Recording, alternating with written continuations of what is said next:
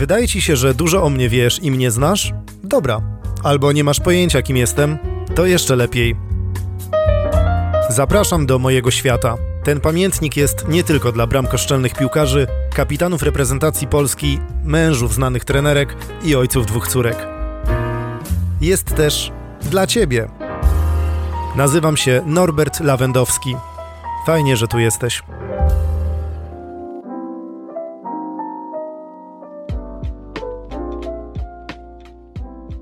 Wiecie, jak to jest na koniec sezonu w profesjonalnym klubie piłkarskim? Trener pisze raport podsumowujący, zawodnicy są oceniani i analizowana jest ich przydatność dla drużyny, agenci zasiadają do negocjowania kontraktów, a piłkarze rozjeżdżają się na wakacje. Dla mnie ostatni odcinek sezonu pamiętnika to też czas podsumowań i ocen. Uważam, że na boisku zagrałem dobrą kampanię, ale i w podcaście nagrałem udany sezon. Poprawiłem dribbling mikrofonem, lepiej strzelam anegdotami i wzmocniłem wydolność tlenową. Już mogę powiedzieć trzy zdania na jednym oddechu. Zobaczcie, nieźle, co?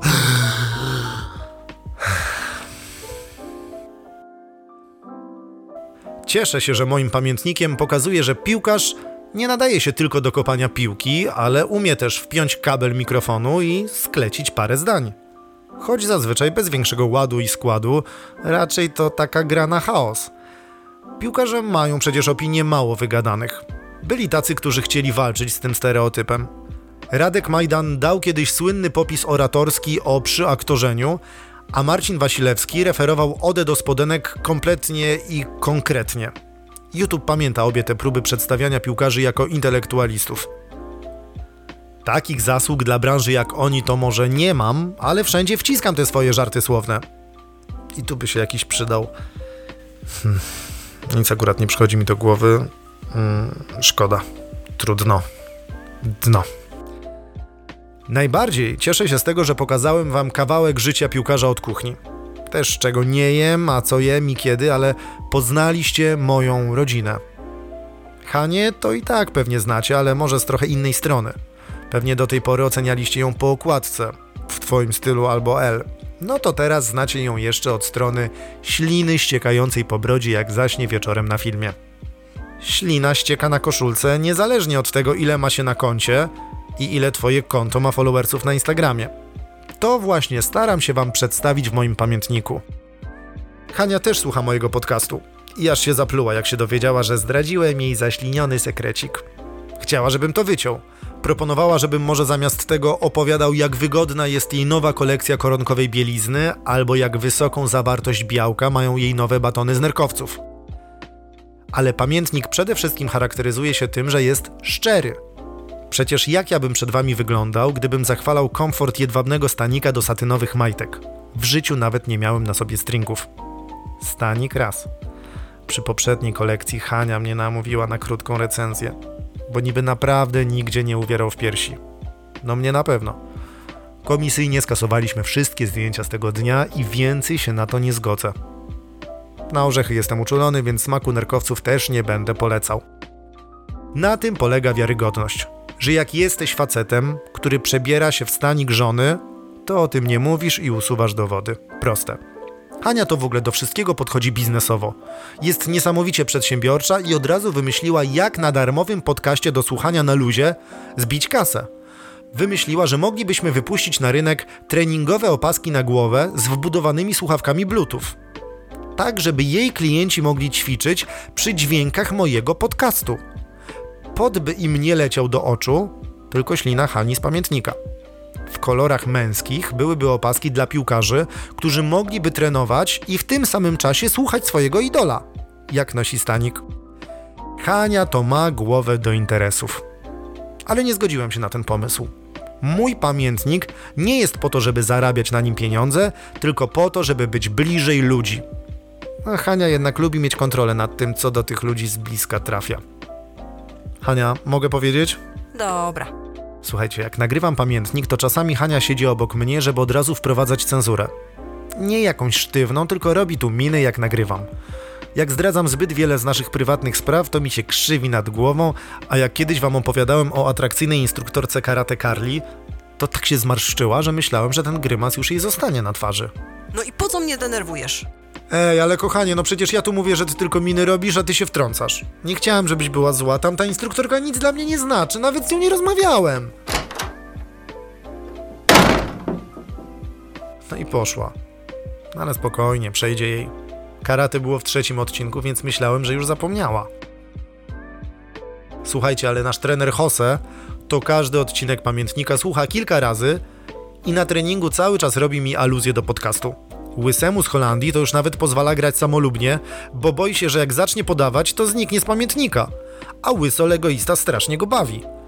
Trener Jose wpadł na pewien plan związany z moim podcastem. Zorientował się, że nasi przeciwnicy też mnie słuchają i wymyślił szpiegowski plan dezinformacji, półprawd i manipulacji. W odcinku szóstym wam mówiłem, że to as wywiadu trenerskiego. Dlatego on teraz chce, żebym w każdym odcinku podawał naszą fałszywą taktykę na najbliższy mecz, tak żeby całkowicie zmylić przeciwnika. I mam zacząć już od tego odcinka. Dobra, uwaga, ogłaszam, że w sobotę ja zagram jako bramkarz, Łysy z Holandii będzie głównym podającym, a akcję będziemy konstruować ze spalonego. Dobrze, dobrze, to robię? Myślicie, że dadzą się nabrać? Hmm. W sobotę się okaże, ale niech trener wie, że robię, co mogę. Jose to w ogóle zmienił swój stosunek do mnie od kiedy nagrywam pamiętnik. On dzięki mnie odkrył, co to są podcasty i zdaje mu się, że to ja je wymyśliłem. Strasznie się wkręcił w ich słuchanie. Nazywa mnie podcasterem, speakerem, lektorem, mówcą.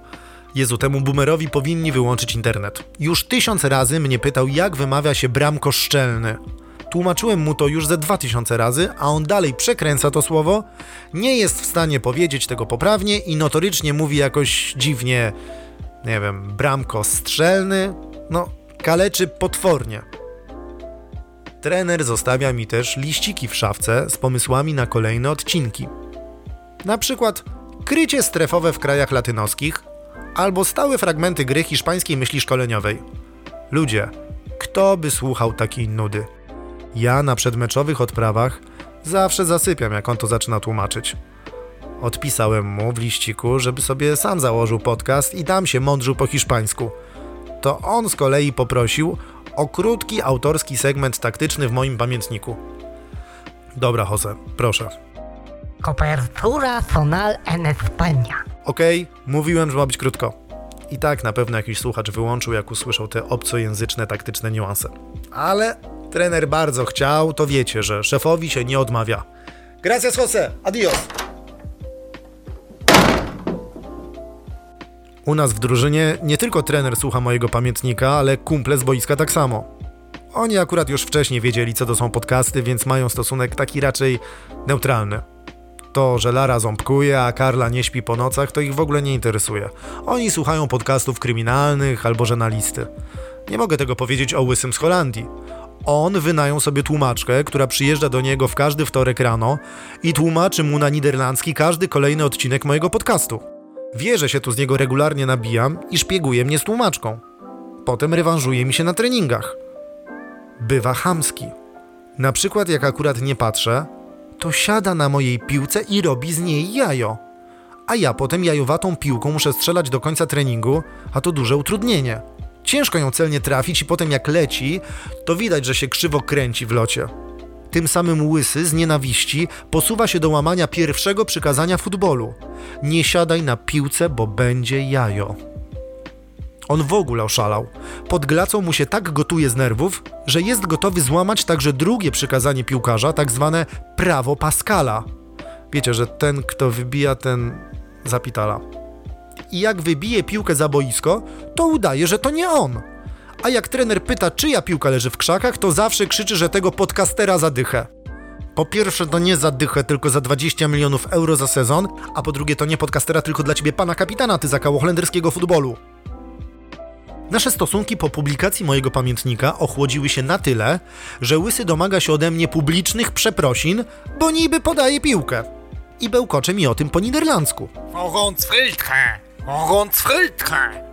To ja mu wtedy mówię, przeprosiny? Bardzo proszę, nie ma sprawy. Piszesz kolego podanie i załatwione. Chcę mieć choć jedno twoje podanie czarno na białym.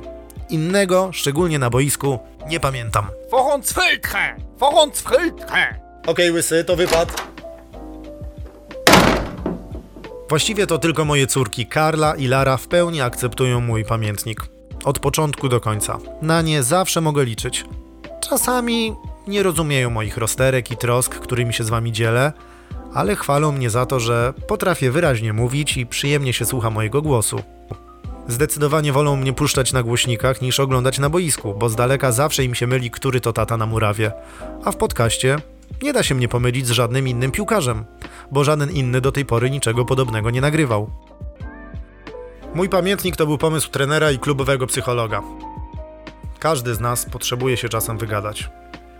Można opowiadać o sobie na kozetce terapeucie, żonie, przyjacielowi albo kibicom, nieważne komu. Możliwość wygadania się oczyszcza głowę i reguluje emocje.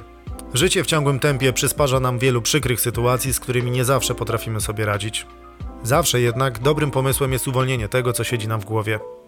Niezależnie, czy jest się gwiazdą światowej piłki, lekarzem, nauczycielem czy reporterem telewizji śniadaniowej. Warto otwierać się na nowe doświadczenia i przełamywać swoje bariery strachu. Na tym polega rozwój i dbanie o swoją psychikę. Dziękuję, że byliście ze mną przez cały sezon. Nagrałem najlepiej, jak umiałem dla siebie i moich kibiców.